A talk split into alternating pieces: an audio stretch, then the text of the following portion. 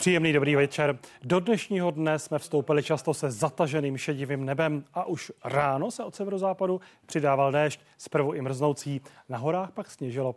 Poměrně brzy už předpolednem se oblaky od severozápadu zase protrhávaly a odpoledne jsme se občas dočkali slunečních paprsků. současně déšť vystřídali spíš ojedinělé přehánky. Teploty odpoledne vyšplhaly na spíš březnových než únorových 3 až 9 stupňů. Slabě mrzlo jen na hřebenech hor. V únoru jsou přitom mrazy samozřejmě obvyklé. Ostatně právě 11. února roku 1929 byla v Česku naměřena vůbec nejnižší teplota. Nejteplej v únoru bylo před 30 lety. No a denní rekord srážek v Krkonoších za únor to přesáhl 110 mm. A právě v únoru byla v Česku zaznamenána vůbec nejnižší hodnota tlaku vzduchu, téměř 967 hektopaskalů. Teď krátké ohlédnutí za letošním lednem v pražském Klementínu. Stal se teplotně normálním měsícem, který se umístil v první padesátce nejteplejších lednů. Dodejme, že nejteplejší leden vůbec jsme zažili v roce 2007. No a míříme do světa. Silná bouře Ingun podle očekávání zasáhla Norsko, zejména střední části země. Nejsilnější náraz větru dosáhl 224 km za hodinu, což je jedna z nejvyšších hodnot v historii tamního měření. Vítr samozřejmě napáchal značné škody. No a rozsáhlé oblasti Chile trápí už řadu dní intenzivní vlna veder. Maxima v centrálních částech země stoupají výjimečně i nad 40 stupňů. Padají teplotní rekordy. Včerejšek byl třetím nejteplejším dnem v moderní historii. Ale vracíme se do Česka. Teplé počasí minulých dnů znamená tání sněhu i na horách. Na sjezdovkách ale zatím zůstává sněhu poměrně dost. Hele, sport. Vlekaři z Kvildy spekulují nad osudem jizerské padesátky kvůli počasí. Já si myslím, že pojede, to oni to nějak udělají. Ale jako jestli podle mě, když já jsem viděl osmkrát a nevěřím tomu, chlapci. Posuzují to podle Šumavy, kde turistům sněhu ubývá. To teďka pršelo. Tady nikdo, prostě to máme pro sebe. To se vám nestane každý den. Na sjezdovce taky sníh taje. Základ z kraje zimy se ale drží. Pojedeme pořád, podmínky na to máme, že jo, máme tak tři čtvrtě metru sněhu na sjezdovce, takže nás tenhle ten dešť nám nevadí. Nepřemýšleli jste, že zrušíte rezervaci třeba kvůli počasí? Absolutně ne, protože tady v okolí se dá i krásně výletovat, takže jako ano, ano. Vlekař obvolává penziony, jestli ani na jarní prázdniny lidé pobyty neruší. Začínají už příští týden. Ta naplněnost 90%, jo, takže a březen zatím je v budoucnosti. I jinde potvrzují, že lidé pobyty neruší, nebo jen minimálně. Já mám malou kapacitu, takže jako musím jako odříkávat, ale nerušil zatím nikdo. Jsme důchodci a rádi chodíme i na procházky pěšky a jsme tu celá parta. Obsazenost penzionů se ale může lišit. V Kvildě a okolí jich stojí desítky. Martin Donát, Česká televize Jižní Čechy. A ještě pár fotek dnešního počasí. Od vyšších poloh se objevily i sněhové vločky, jinak eh, dopoledne pršelo. Eh, pak se začaly oblaky protrhávat a při přeháňkách se vytvářely i eh, duhy. Oblaků postupně ubývalo. No a ještě vzpomínka na to, jak to vypadalo před sedmi lety v roce 2017 v Libochovicích tam to opravdu, nebo tehdy to opravdu eh, odpovídalo začátku února. Eh, tady už jsou držicové záběry, na kterých je patrný pás oblaků související s okludujícím frontálním systémem, který v průběhu dnešního dne přecházel přes střední Evropu dálkýho východu. Zítra bude následovat teplá fronta, no a za ní teplé západní proudění oceánského vzduchu. Takže teploty zůstanou nadprůměrně vysoké. Ostatně, jak je patrné, zítra celodenní mrazy eh, jsou poměrně vzdáleny od střední Evropy až na severu nebo dalekém severovýchodě. Detailní model pak naznačí, že v noci se eh, více oblaků objeví hlavně v severní polovně území. No a zítra během dne od západu v souvislosti s teplou frontou přijde i slabý déšť nebo sněžení. V sobotu bude oblaků poměrně hodně, častěji zaprší na severu a severovýchodě a taky v horských oblastech. No a v neděli bude těch srážek celkově víc než zítra. Po oba dny ale bude docela foukat, zejména v neděli nárazy větru i k 70 na horách 90 km za hodinu. V noci bude vítr mírný, na východě a jeho západě místy i slabý, no a na obloze oblačno až zataženo, místy zejména na jihu i polojasno. Na severu a severovýchodě místy jinde o jedněle přehánky sněhové v nížinách po 400 metry i smíšené a nebo dešťové. Teploty klesnou na plus 2 až minus 2. Pozor, o jedněle se může vytvořit náledí. Zítra přes den bude oblačno až zataženo, zpočátku ještě místy i polojasno. O jedněle přehánky postupně od západu na většině území. Déšť spíš slabší anebo mrholení. Zprvu bude zhruba od 400 metrů sněžit, postupně od západu hranice sněžení bude stoupat, na východě na 800 metrů, na ostatním území ještě výš. Teploty přes den vystoupí nejčastěji na 2 až 6 stupňů a na horách v tisíce metrech budou kolem minus jednoho. Vítr mírný večer, hlavně v Čechách, začne zesilovat, postupně se přidají nárazy kolem 55 km za hodinu. Hlas vzduchu bude mírně klesat přes den a rozptylé podmínky budou dobré. V sobotu čekejme oblačno až zataženo, na horách a na severovýchodě a severu místy, jde o jedněle déšť, na tisíce metry zprvu ještě i snížení. Maxima 6 až 10, v neděli 7 až 11. Všimněte si také těch teplých nocí. V neděli bude oblačno až zataženo místy s deštěm nebo s přeháňkami, zejména v severovýchodní polovně území. Na severu, severovýchodě později nad 12 metry i sněžení. Ale v průběhu pondělí ta hranice sněžení bude zase stoupat. Čekejme také, že zpočátku bude víc oblaků, hlavně v severovýchodní polovně území se přidá místy déšť nebo přeháňky přehaňky, později bude srážek od jeho západu ubývat a částečně ubude i oblaku. Bude velmi teplo, 9 až 13 stupňů přes den. No a v dalších dnech čekejme spíš velkou oblačnost, hlavně na severu, severozápadě místy déšť nebo přehánky. Na horách na severu může přechodně i sněžit. No a teploty v noci nadále nad nulou, maxima budou šplhat na 7 až 12 stupňů, ale v úterý by na jihu jeho východě mohlo být až 14 stupňů Celsia. Tak tolik zatím poměrně teplé výhlídky počasí. Přeju vám hezký večer.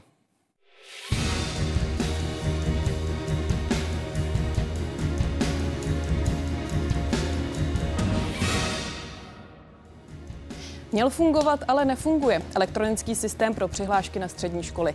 Kdo za to může? Ovlivní to nějak přijímací řízení? A co na to říkají samotní studenti? Otázky pro dnešní devadesátku. Pěkný večer. Spuštění elektronického systému pro přihlášky na střední školy má spoždění. Původně měl začít fungovat dnes po půlnoci. Kvůli problémům s nahráváním příloh se má ale otevřít nejdříve zítra večer. Žáci můžou přihlášky podávat do 20. února. Případné prodloužení tohoto termínu bude ještě ministerstvo řešit. Ředitel CERMATu, organizace odpovědné za přípravu přijímacích zkoušek Miroslav Krejčí, rezignovat nehodlá a odvolat ho zatím nechce ani ministr školství Mikuláš Bek. Prioritou je podle něj vyřešení problému. A naše další téma zvyšuje se sazba spotřební daně z tabákových výrobků. U cigaret, doutníků a tabáku ke kouření bude vyšší o 10% Projevit by se to mělo zdražením krabičky cigaret zhruba 8 korun. A nově se bude spotřební daň platit také z elektronických cigaret.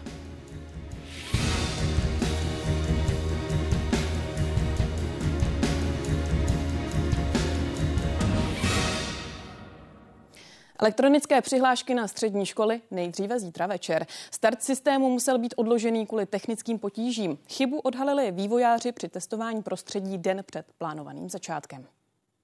Když se Cornélia Alcharová vracela ze školy, už věděla, že plány, které měla na odpoledne, nevyjdou. Omlouváme se, spuštění systému bylo odloženo. Od rána jako zkouším a to vůbec jako nejde. Přihlášky na školy sice dnes podat neplánovala, chtěla ale zjistit, jak prostředí funguje a jaké přílohy bude potřebovat. Je to takový trošku zklamání, že mě to trošku vystrašilo, že jestli to bude teda v pohodě. V rámci večerních posledních testů před spuštěním systému, respektive před uvolněním veřejnosti, jsme narazili na problém, že se eh, za určité kombinace příloh jeden typ přílohy nechoval tak, jak měl. Chybu programátoři opravili, je ale nutné zopakovat bezpečnostní testy, jinak by hrozil únik dat.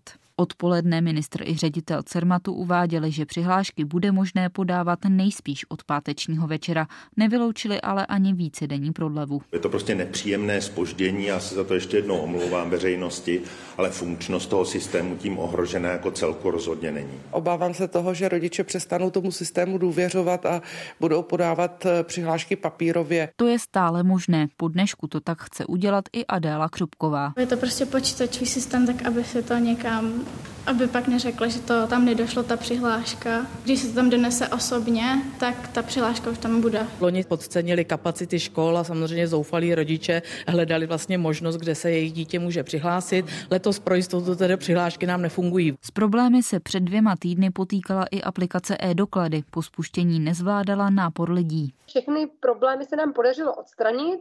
Primárně tedy byl problém v systému identity občana, a tam jsme vlastně navyšovali kapacitu. I její náběh se odkládal kvůli opožděné legislativě. Jak dlouho bude čekat Cornelia se uvidí. Fér by ale podle ní bylo, kdyby se termín pro podání přihlášek prodloužil. Ministerstvo o tom bude rozhodovat v pondělí.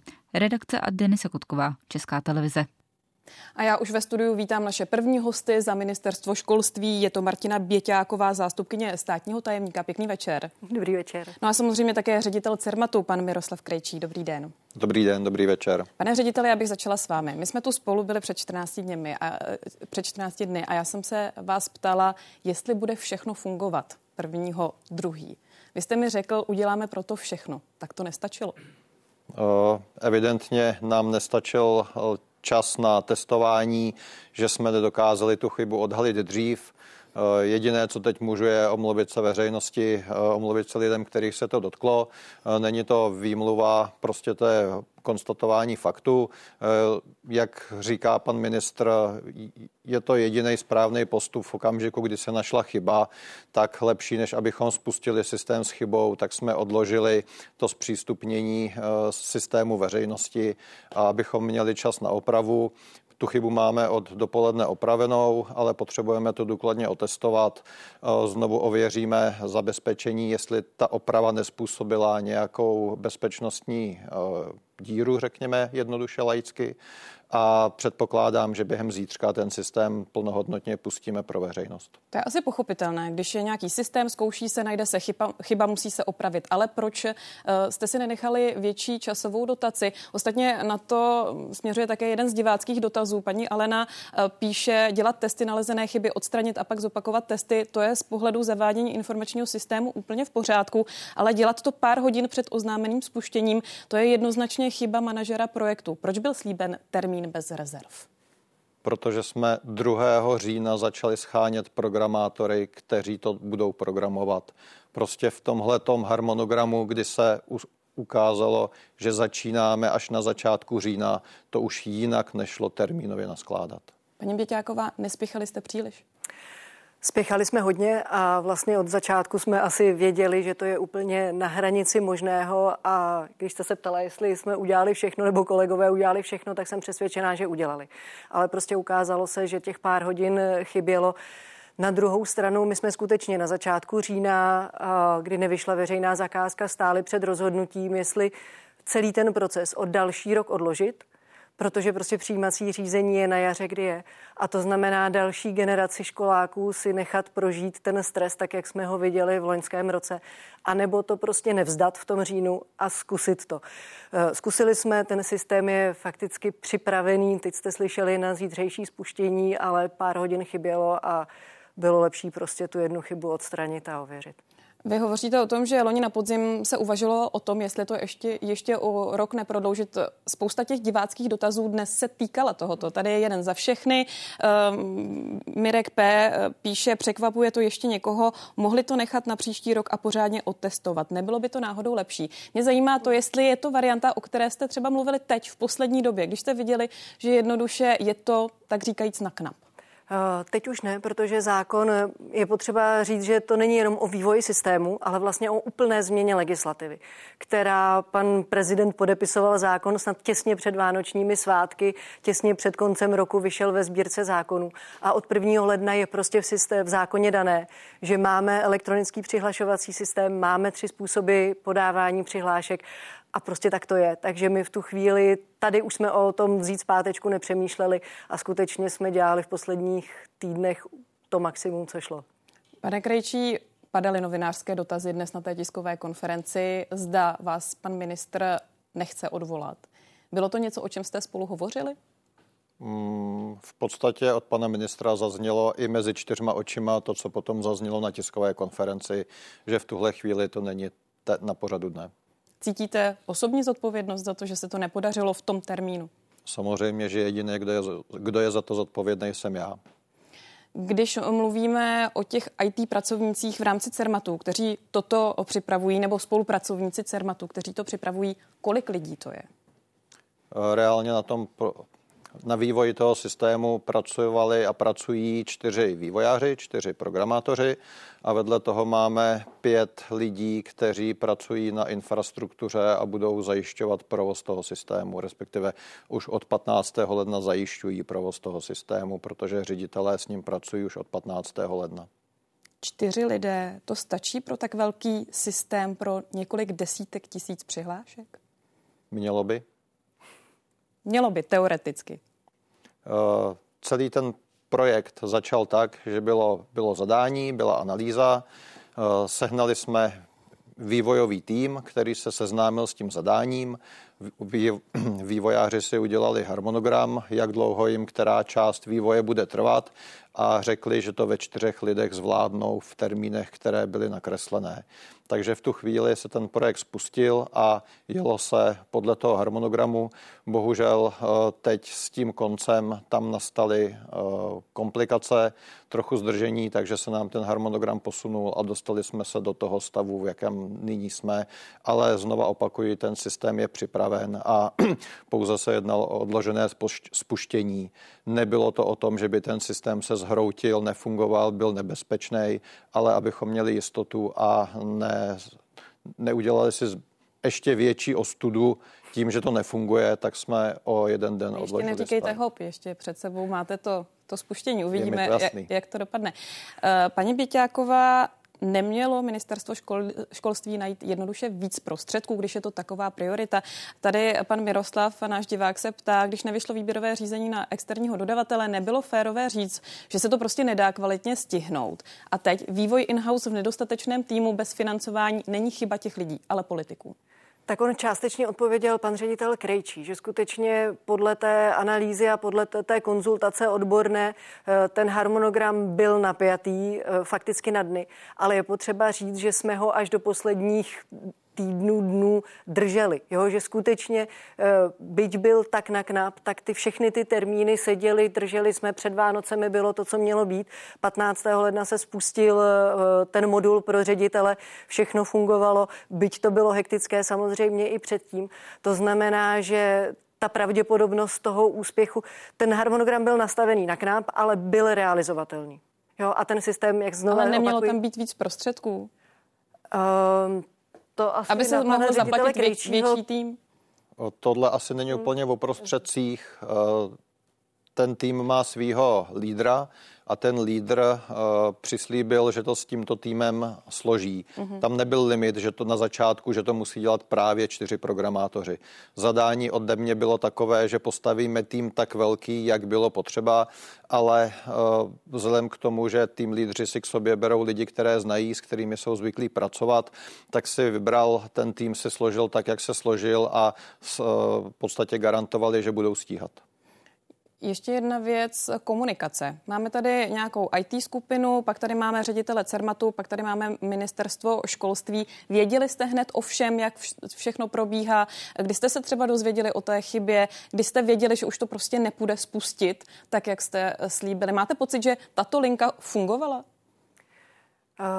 Za mě jednoznačně, my jsme měli udělaný projektový tým napříč, ať už odborníky na ministerstvu školství, právníky, ajťáky, CERMATem a musím říct, že poslední týdny jsme spolu komunikovali ve dne, v noci od pondělí do pátku mnohem častěji než s vlastními asi dětmi a rodinami.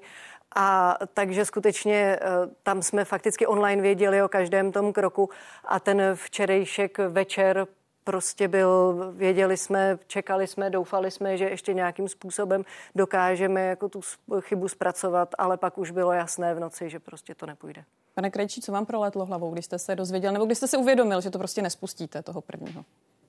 Eh, vlastně tu chybu jsme našli v 18 hodin večer. Eh, vývojáři velice rychle analyzovali, v čem ten problém je a v podstatě od sedmi večer slibovali, že do třech hodin to opraví.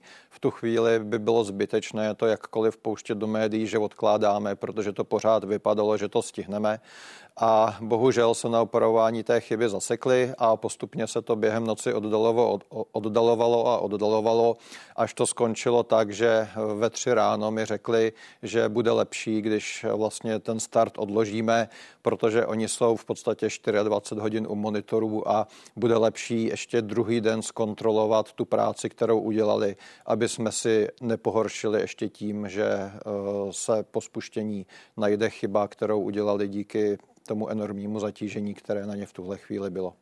Teď tedy chyba opravená, probíhají další zkoušky. Vypadá to tedy velmi pravděpodobně na ten zítřek k večeru. Ano. Uh, co posunutí termínu, protože to je také to, co samozřejmě eh, celou řadu, zejména rodičů, což jsem se dívala na sociální sítě, eh, zajímá. Například eh, pan Kvapil nám píše, nebylo by lepší, kdyby se termín přihlášek prodloužil o počet dnů, kdy systém nefunguje. Jinak samozřejmě je lepší počkat a nasadit to opravené, aby si lidé třeba nemysleli, že přihlášku už podali, ale ona by nebyla zpracována. Takže určité pochopení ze strany rodičů, ale ten dotaz. Nebylo by na místě to posunout? Hmm, pan minister už avizoval dneska, že určitě je to věc, o které budeme příští týden eh, přemýšlet a, a kterou rozhodneme, ta možnost tu je, protože ten termín podávání přihlášek stanovuje vyhláška, není přímo v zákoně, tudíž úprava vyhlášky je relativně rychlejší proces. Eh, na druhou stranu je potřeba si uvědomit, že ten, těch 20 dní, které na to podání máme, jsou skutečně jako k plnému využití a kdy je ta přihláška podaná, vůbec nehraje žádnou roli v šanci na přijetí toho dítěte. To znamená i dva dny zbrždění na začátku například neberou prostě rovnou šanci všem těm lidem a zároveň e, posunutí o jeden, dva dny asi ten harmonogram unese. Ale když si vezmete, jak strašně je našlapaný i ten proces toho přijímacího řízení, ředitelé musí zpracovat přihlášky, e, musí se e, připravit testy, připravit testy pro děti se speciálními vzdělávacími potřebami, vytisknout, distribuovat. Těch kroků, které jsou navázané, je to skutečně na dny tak, aby se nám ty jednotné přijímací zkoušky zároveň nepotkaly s maturitami, protože to už v kapacitě středních škol není. Takže Možnost tam je a pokud to bude nutné, tak ji využijeme, ale není to tak, že bychom asi mohli o 14 dní posunout, aniž bychom nehli s dalšími. Ale možná by to bylo takové gesto směrem k veřejnosti. Ano, udělali jsme chybu, pojďme to posunout. Ano. Já bych tady rád doplnil, my tam máme rezervu zhruba ty dva, tři dny, ale rádi bychom si tu rezervu nechali aspoň jednodenní na konec eh, celého toho přihlašovacího procesu, mm-hmm. protože očekáváme, že pokud někdo se postará o velký DDoS útok proti systému, tak to bude právě 20. února a pokud by se tak stalo, tak budeme posouvat termín právě proto, že 20. února ten systém nebyl dost dostupný. A když si ty dva, tři dny vyčerpáme teď na začátku, tak potom bude strašný problém, kam posouvat, protože eh, Cermat má vlastně asi 25 dní na to, aby ty přijímačky vytisknul a už teď vlastně s tím posunem to bude znamenat, že budeme pracovat o víkendech a tisknout v podstatě 24 hodin nonstop, aby se těch spousta milionů listů papíru vytiskla a stihla se doručit na školy. Ještě poslední věc, velmi nás tlačí čas, ale já bych ráda, aby se dostalo ještě na jeden dotaz. Eh, můžeme se spolehnout na to, že přihlášky našich dětí se elektronicky opravdu dostanou kam mají, tedy na střední školy. Můžeme to my jako rodiče nějak zkontrolovat. Nemůže dojít zase k nějaké chybě. Možná určitá důvěra rodičů v ten systém. V okamžiku, kdy podáte přihlášku, tak dostanete na e-mail eh, dokument potvrzení o tom, že přihláška byla podána a zároveň ředitelé v ten okamžik na všech školách uvidí, na všech školách, na které jste podali přihlášku, uvidí, že tam tu přihlášku mají na to konkrétní jméno dítěte. Takže bude to zkontrolovatelné teoreticky tím křížovým dotazem, byť tím teda prosím nenavádím, abyste kvůli každé přihlášce volali na všechny školy, které, na které se hlásíte. To bychom udělali pekelnou službu ředitelům škol. Říká Miroslav Krejčí a naším hostem byla také Martina Běťáková. Oběma vám děkuji a přeji pěkný večer. Děkujeme, nashledanou. Díky, nashledanou. Digitalizace státní zprávy měla problémy víckrát. Kvůli technické chybě se třeba nepovedlo spustit prodej elektronických dálničních známek. Systém první den na mnoha místech opakovaně nefungoval.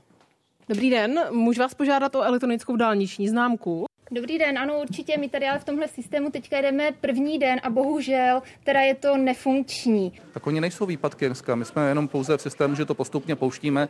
Systém funguje, my jsme si to testovali o půlnoci a postupně ten systém bude najíždět. Online sčítání lidu před třemi lety taky provázely potíže. Hned první den ho museli technici na 10 hodin odpojit. Když eh, chceme vstoupit do samotného formuláře, tak to vlastně hlásí, že eh, aplikace je nedostupná. Takže se ode mě nic nedozví. Je to neuvěřitelné, já tomu nerozumím. Já jsem vyzval pana ředitele, aby okamžitě informoval občany. V tu chvíli tam bylo uh, hodně uh, přihlášených uživatelů, to samo sobě mi nevadilo, ale ta kombinace s tím počtem dotazů, kteří v tu chvíli vyhledávali tu svoji adresu, způsobilo vlastně přehlcení uh, toho systému. A ani zavádění elektronické komunikace ve zdravotnictví nebylo hladké. E-recepty čelily výpadkům už několikrát. Nejdelší před dvěma lety trval pět hodin. To vypadá, že to nejde vůbec, ani načíst do toho záložního úložiště, ale ta situace se každou chvíli jako mění. A když přijde člověk s identifikátorem telefonu například, nebo občanským průkazem? Bohužel ani na občanský průkaz to nejde načíst. A podrobnosti teď s naším dalším hostem, kterým je Michal Bláha, IT expert a ředitel hlídače státu CZ. I vám pěkný večer. Pěk, pěkný večer. Přijímačky nebo přihlášky na střední školy, dálniční známky, e-recepty, elektronická občanka. Proč nám to nejde? No ono to nejde skoro nikomu. To není problém to je jenom důležité státu. zdůraznit. To není problém jenom státu, eh, to je problém vlastně i soukromé sféry. V okamžiku, kdy máte nějakou službu, na kterou se vám najednou v jeden okamžik při, přihlásí velké množství uživatelů, tak velmi často na to nejsou připravené. Ten důvod je vlastně jednoduchý a do značné míry ekonomický. Eh, pokud mám návštěvnost 100, běžnou návštěvnost 100 a první den se mi tam přihlásí 10 tisíc lidí, tak je neekonomické celou tu infrastrukturu škálovat na 10 tisíc lidí, ale jenom na těch 100 nebo na třeba s rezervou na 300. To znamená, velmi často se to v soukromé sféře dělá tak, že se třeba dělají pozvánky, jo? že se tam nemůžou všichni dostat, ale dostávají se tam postupně na uvolňující se pozvánky. Bohužel stát je v situaci, kdy ne vždycky tohle to jde udělat. A co by se dalo zlepšit, eh, co se týče té státní zprávy všech těch eh, digitálních platform. Je tam tedy nějaký prostor? Samozřejmě je, obrovský množství prostor, je tam obrovský prostor. Eh, máme velký historický dluh ve spoustě věcí.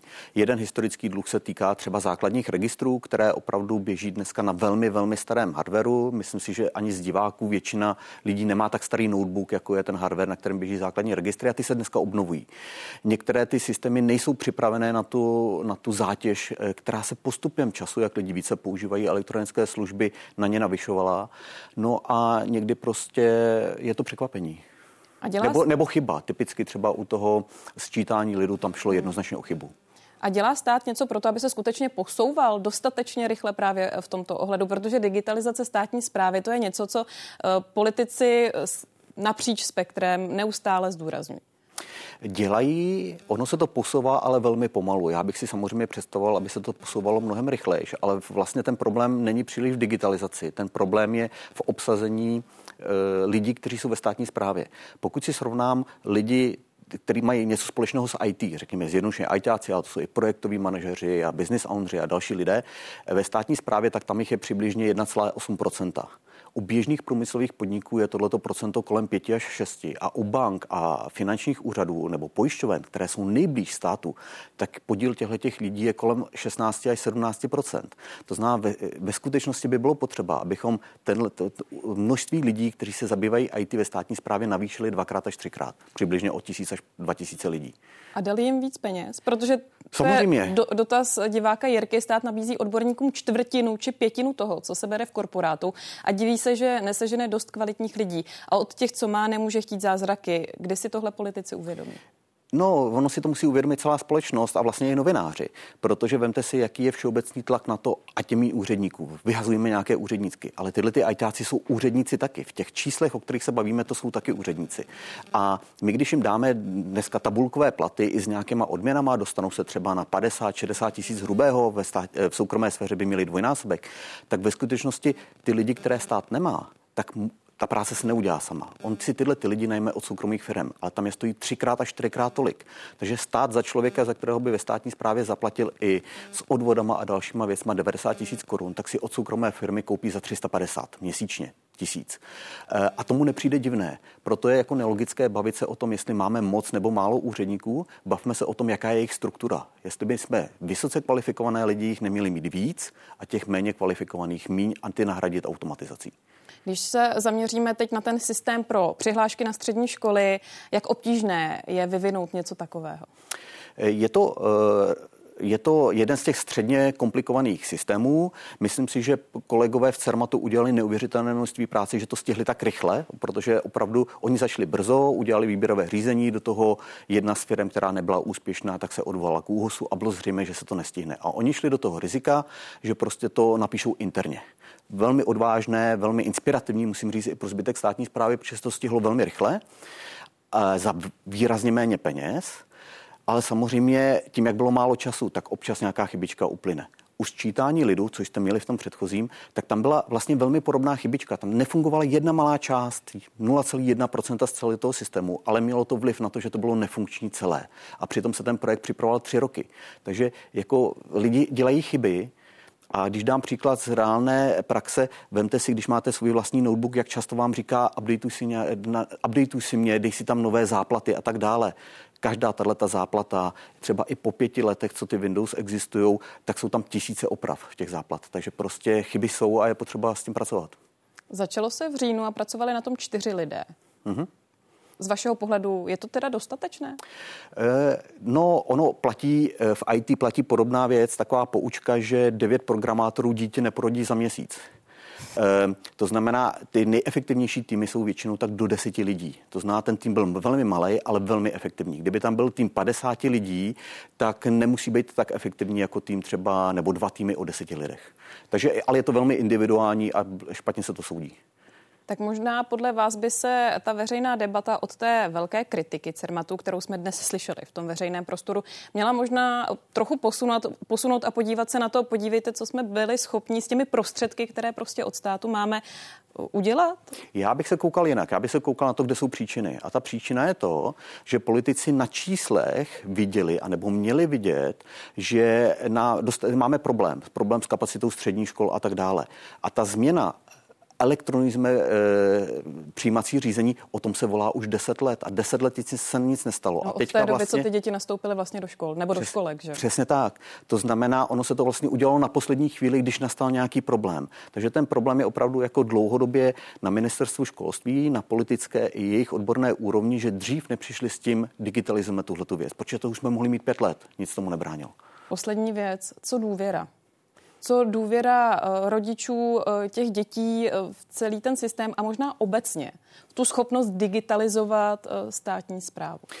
Je to podobné, jako když si koupíte nové auto, ono se vám prostě za týden rozbije kvůli nějaké hlouposti, vy to odvezete do servisu, ale tu důvěru k tomu autu máte menší. Samozřejmě ta důvěra klesá. Na druhou stranu koukněme se na to, co všechno elektronicky se státem se dá dělat a ty věci fungují fungují bez větších problémů. To znamená, je to věc, kdy eh, je potřeba vlastně eh, zvyknout si na to, že systémy jsou chybové, Tohle nebyl kritický systém, tady nešlo o žádné závažné jako není to závažný problém, protože nejsou pořád zbývá 19 ztráty. dní, nejsou tam ztráty, hmm. nestratila se data. Vlastně to posunutí voden je spíše bezpečné, jakoby bezpečná varianta, jak to udělat.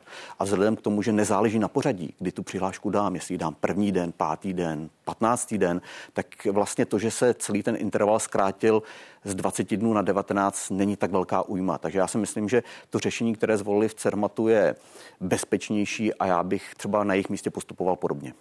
Komentář z IT pohledu přidal Michal Bláha. Děkuji za to, přeji pěkný večer. Hezký večer. Mezi hlavní novinky patří letos možnost podání až tří přihlášek na střední školy. Zároveň ke každé z nich bude možné přiřadit prioritu. Toto řazení se potom promítne ve výsledcích. Pokud se uchazeč dostane na všechny tři školy, tak ho systém automaticky přiřadí na tu s nejvyšší prioritou. Na druhé a třetí škole tak nově nebude blokovat místo ostatním uchazečům, kteří by jinak čekali dva týdny na rozhodnutí žáků s lepšími výsledky. Podle pedagogů a dalších odborníků nějakou placenou formu doučování využívá stále více deváťáků. Zájem o přípravu na jednotné přijímací zkoušky potvrzují také soukromé agentury. Budujeme s nimi takzvanou testovou strategii, jinými slovy je učíme práci s časem, záznamovým archem a nebo právě zvládat vlastní nervozitu. Ne každý si ale podobný kurz může dovolit. Ceny se odvíjejí podle typu i počtu účastí. se můžeme bavit i o hodnotě nějakých 15 a někdy až třeba 30 tisících. A přidáme i pohled ředitelů škol. Se mnou ve studiu už je tu Karel Žďárek, ředitel Pražského gymnázia Jana Kaplera. Zdravím vás, přeji pěkný večer. Dobrý večer. Jak velká je to komplikace pro vás? V tuto chvíli to není tak velká komplikace, pokud by se jednalo o dva, tři dny zdržení, tak eh, to pro nás zase tolik neznamená. Eh, důležité pro nás je to, aby ten systém skutečně fungoval. Nebojíte se, že rodiče teď ztratí důvěru a budou chtít podat tu přihlášku nakonec stejně papírově? Tak toho se samozřejmě bojíme. Eh, to je taková černá můra naše, eh, nebo noční můra. Eh, bojíme se, že pokud těch přihlášek bude více, tak nás to dost administrativně zatíží. Ale myslím si, že pokud to budou dva, tři dny, tak, tak doufám, že rodiče budou trpěliví. Přišla vám nějaká papírová přihláška dnes? Pokud vím, zatím ještě ne. Jeden dotaz od diváka Tomáše. Nemálo rodičů teď ve zmatku vyrazí podat právě papírovou přihlášku a pak, až to bude fungovat, vypíší i elektronickou. Jak se s tím střední školy poperou? Administrativa jim násobně naroste. No jednoznačně, tam dojde ke střetu těch dvou přihlášek, eh, takže nám to, ten celý proces bude komplikovat eh, a předpokládám, že CERMAT eh, nějakým způsobem zajistí, aby, aby ta jedna z těch podaných eh, přihlášek byla prioritní a, a nemuseli jsme to takhle duplicitně řešit. Takže možná rada směrem k rodičům a samozřejmě také eh, k těm žákům být trpělivý a prostě počkat. Určitě jednoznačně vyčkat eh, tři, čtyři, i čtyři dny není problém. Času ono je důležité zdůraznit, že je vlastně jedno, kdy v tom časovém horizontu podají tu přihlášku. Přesně tak. Může to být úplně na poslední chvíli. Samozřejmě nikdo nechce podávat přihlášku na poslední chvíli, ale kdyby to byl ten týden před, tak stále je dost času. Co to případné posunutí termínu, kdyby to bylo třeba o den, dva delší, byla by to pro vás komplikace? Pro nás by to byla komplikace v tom, že e, tam jsou s tím spojené nějaké administrativní úkoly, které budeme muset e, učinit. E, zejména pokud by naše škola byla ta prioritní, tak, tak tam na nás padá nějaká administrativní mm, úloha a ve chvíli, kdy se to nahromadí v tom čase, tak, tak je to problém. Takže za ředitelé škol spíš nechat toho 20. února. Hmm, jednoznačně. Pro ředitelé škol je to otevřené vlastně ten systém, ta vaše část už 14 dní. Tam byly nějaké potíže nebo vše fungovalo tak? Ne, tam to fungovalo výborně a včera, když jsem to na na posl, trochu na poslední chvíli zadával do toho systému, protože včera byl deadline, tak, eh, tak jsem byl mile překvapen vlastně, jak eh, dobře to funguje a, a bylo to z mého pohledu i uživatelsky přívětivé. Ta, ta stránka toho UX, toho user interface byla jako velice, řekl bych, docela dobře zpracovaná. Obecně, když eh, přistoupíme na to, že skutečně zítra to začne fungovat tak, jak má, což si samozřejmě přejeme všichni. Hmm. Jak se vám líbí ten systém? Má podle vás ještě nějaké mouchy, myslím obsahové, ne tedy po té funkční stránce, eh, nebo se vám líbí tak, jak to eh, je připraveno? Tak, jak je to nastaveno, eh, to myslím funguje velice dobře.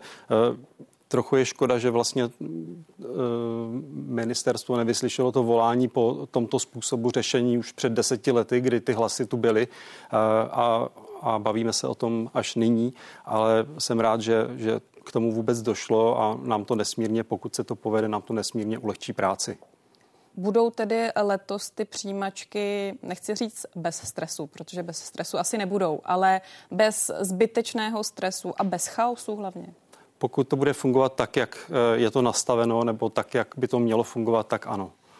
Jak je to vlastně s tím, kolik uh, mladých lidí letos nastoupí na střední školy a kolik je těch míst? Je tam stále ten velký převis, jako jsme viděli v loňském roce? To si netroufám. Jsou k tomu vůbec nějaká čísla? Uh, předpokládám, že ano a já ty čísla nemám. Já se na to dívám úzce z pohledu naší školy. U nás předpokládám, že dojde k výraznému nárůstu uchazečů, protože už se nebude taktizovat. Nebo nebude se tolik taktizovat. Jedna věc, na kterou jsem se před 14 dny, když jsme toto téma probírali, eh, ptala vašeho kolegy, pana ředitele z Gymnázia nad Álejí, což je několik tramvajových zastávek od vás. Eh, to řešení, co teď dělat s tím, že prostě je příliš mnoho eh, žáků a příliš málo tříd. Spousta z nich chce jít na gymnázium, má na to intelektuálně, eh, ale prostě nejsou tam místa. Tak v Praze se zkouší to, že třeba na průmyslových školách se otevírají ta ty gymnaziální třídy. Jak vy se na to díváte z pohledu právě ředitele gymnázia? Mně to přijde určitě jako dobrý nápad. Ve chvíli, kdy je tu poptávka, tak proč jí nevíc stříc? V případě, že máme kapacity a, a ta škola je schopná to personálně zajistit, tak si myslím, že je to dobrý nápad ten, to rozšíření nebo navýšení kapacity nabídnout. Jaké další kroky bychom měli dělat? Protože přece ten systém není ideální. Teď si všichni tak trošku oddychli, že konečně elektronizace systému, ale je tam celá eh, řada dalších problémů. Tak kdyby to bylo na vás, jaké by byly ty další kroky, co se týče právě budoucnosti eh, toho českého školství s ohledem třeba právě na ten předěl mezi základkou a střední školou?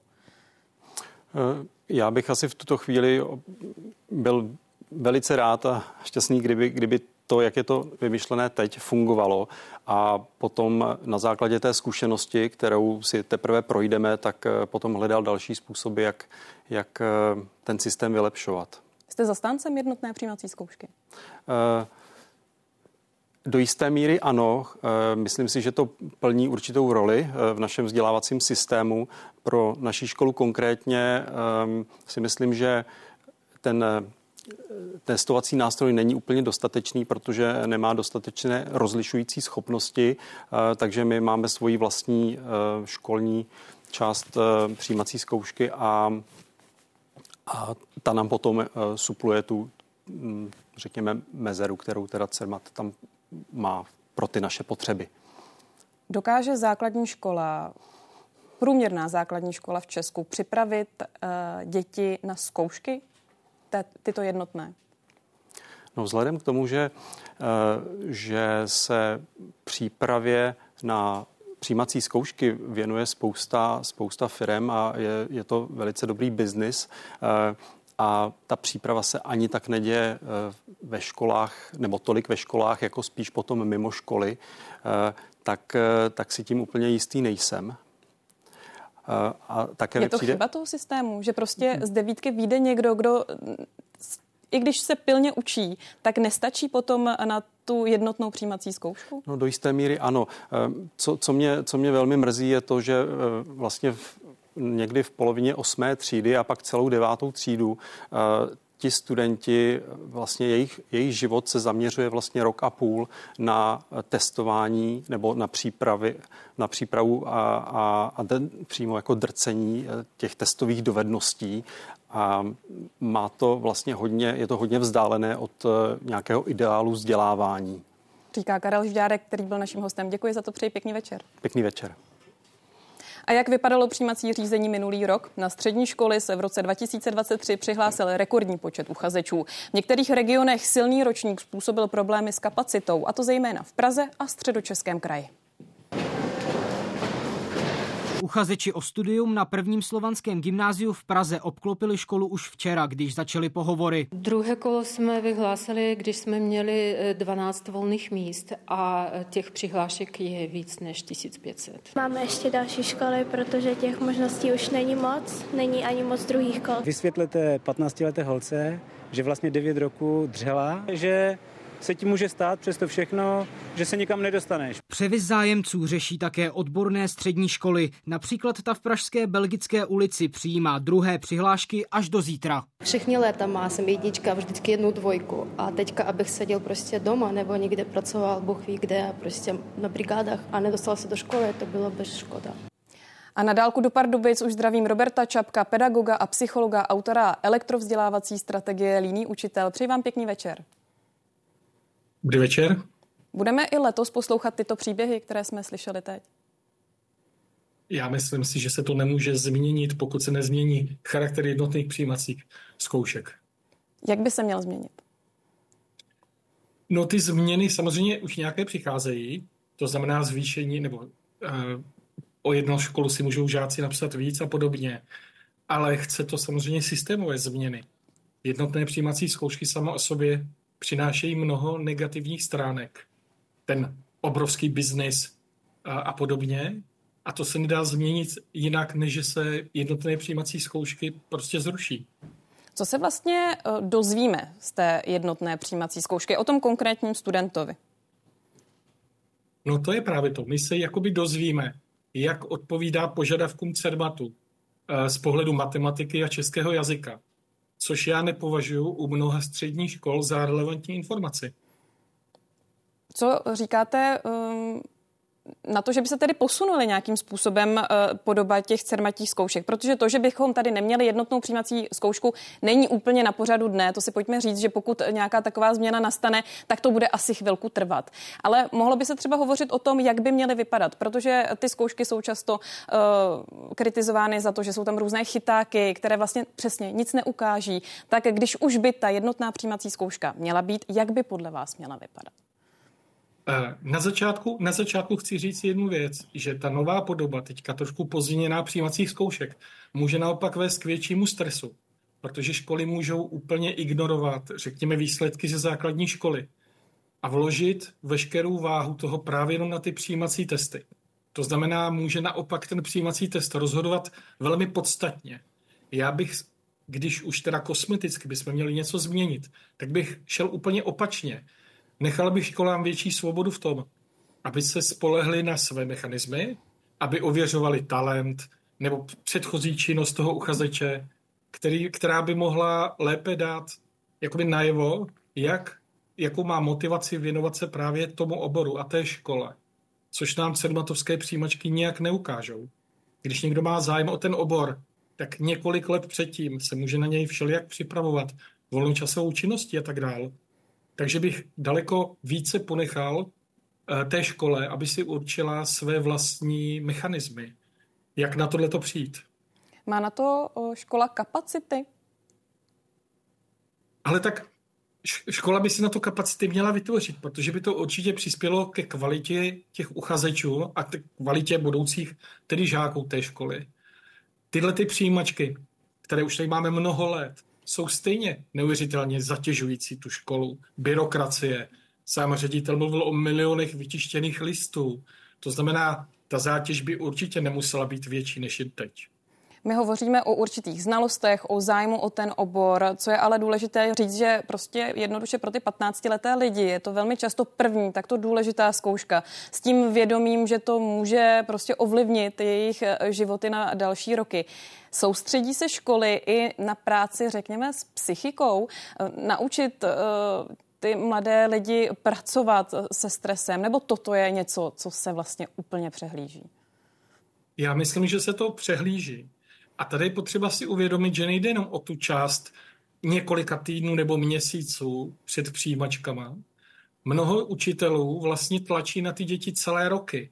To znamená už nejenom v tom, v tom posledním ročníku, ale i v předchozích ročnících.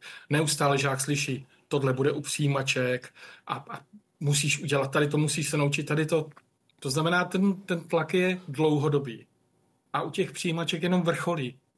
A že by se nějak pracovalo s psychogenu žáků, to bych řekl, že na mnoha většině škol vůbec učitelé tohleto jako nemají v popisu práce. A co psychika mladých lidí teď, v den, kdy se měli spustit ty přihlášky, zase se to spožďuje. Myslíte si, že je to nějakým způsobem ovlivní, že to může být prostě kapka další eh, v té, v té stresové době před přijímačkami, nebo že je to třeba nechává klidnými spíše? No samozřejmě. Tohle asi budou řešit spíše rodiče, ale moc to tu důvěru v ten systém neposílí. My, kdo se s CERMATem potýkáme už dlouhé roky, tak myslím, že překvapení nejsme. CERMAT prostě neumí nic udělat pořádně, neumí udělat pořádně přijímačky, neumí udělat pořádně maturity a teď neumí ani pořádně udělat systém. To není překvapující, ale je to vlastně další polinko do té nedůvěry, které přijímačky můžou zbudit. Co byste poradil 15-letým lidem, kteří eh, letos eh, budou vlastně prvními, kdo zkusí ten nový systém? Budeme doufat, že se skutečně nakonec spustí, že se nakonec nedostane na papírové přihlášky. Tak co byste jim poradil? Já myslím, že učitel, který chce pracovat s dětmi kvalitně, tak může teď poradit mnoha žákům v té třídě něco jiného. Ně- někoho může pozbudit, Někomu může poradit třeba, jakým způsobem volit strategii těch přijímaček, jak, jaký time management zvolit a podobně. Ale moje obecná rada je, aby žáci nebrali za ty přijímačky tak, tak smrtelně vážně. A nakonec si člověk, pokud má trošku motivace a píle, dostane na ten obor, který si vysnil a podobně. Ta střední škola ještě není proto tak úplně klíčová. Pro to nasměrování v profesním a odborném životě. Takže tohle bych já poradil žákům, které bych měl před sebou. A je to možná rada i pro rodiče, prostě to nebrat až tak vážně. Určitě, ale v každém případě uh, tyhle ty kosmetické změny, které teďka přijímačky přichystaly, počet přihlášek a online věc, která, mě, která měla být už dávno, opravdu nemůžou jakoby zakrýt nebo kamuflovat ty problémy, které obecně tenhle, přijímaček, tenhle ten typ přijímaček přináší do našeho školství. Takže bych nerad, aby se jako, aby, jak jste řekla sama, není to na pořadu dne, ale tahle forma přijímaček křiví naše školství a měla by ta diskuze o její změně být. Pedagog a psycholog Robert Čapek, i vám děkuji za váš komentář. Pěkný večer. Pěkný večer i vám. A pokračujeme dalším tématem. Všech 27 členských států Evropské unie se ještě před začátkem mimořádného samitu shodlo na dodatečné finanční podpoře Ukrajiny ve výši 50 miliard eur. Státníkům se podařilo přesvědčit maďarského premiéra Viktora Orbána, který peníze pro Kiev dlouhodobě odmítal, aby svůj postoj přehodnotil. Výsledek jednání už přivítali ukrajinští i unijní představitelé přepočtu téměř 1 a čtvrt bilionu korun. Tolik peněz uvolní Evropská unie na provoz státních institucí válkou zasažené Ukrajiny. Je to vzkaz pro Evropany, který ukazuje naši jednotu a připravenost Evropské unie vést. Dává najevo, že nejsme zastrašeni Ruskem, které porušuje mezinárodní právo. A je to zpráva i pro Spojené státy a další naše partnery po celém světě, kteří podporují Ukrajinu a její teritoriální suverenitu. Dnešek je opravdu výjimečný den. Evropská rada znovu potvrdila evropské nezlomné odhodlání stát Ukrajině po boku. Všichni víme, že Ukrajina bojuje za nás, takže ji my podpoříme nezbytnými prostředky a zajistíme pro ní tak potřebnou předvídatelnost, kterou si zaslouží. Přitom ještě ráno nebylo vůbec jisté, jestli se Maďarsko podaří přesvědčit, aby s návrhem souhlasilo. Budapešť se dlouhodobě stavěla odmítavě k finanční podpoře napadené země. Až po schůzce maďarského premiéra s unijními představiteli i lídry Francie, Německa a Itálie před začátkem samitu Viktor Orbán změnil názor. V těch klíčových věcech se dokážeme dohodnout a dokážeme se nadále zhodnout i na podpoře Ukrajiny, na garantování finanční pomoci pro Ukrajinu. To je signál, který Evropská unie vysílá na venek a to je, to je signál eh, velmi, velmi silný. Podle unijních diplomatů nebude Budapešť v následujících čtyřech letech moci tento balík na chod ukrajinského státu vetovat. Evropská rada, tedy summit prezidentů a premiérů, bude moci za dva roky, tedy v polovině toho čtyřletého období, kdy finanční pomoc z Unie do Kijeva poplyne, bude moci požádat Evropskou komisi o další revizi víceletého finančního rámce, jehož součástí je i e, pomoc pro Ukrajinu. Dohodu s Maďarskem přivítali ukrajinští představitelé v čele s prezidentem Volodymyrem Zelenským. Když se naposledy konal summit Evropské rady, důvěryhodnost Evropy byla v sázce a společně jsme tuto důvěryhodnost posílili. Evropská unie prokázala, že její slovo platí a že její sliby jsou v zájmu celé Evropy. Prvních více než 110 miliard korun by měl Kiev, který je na podpoře od západních spojenců závislý, dostat v březnu.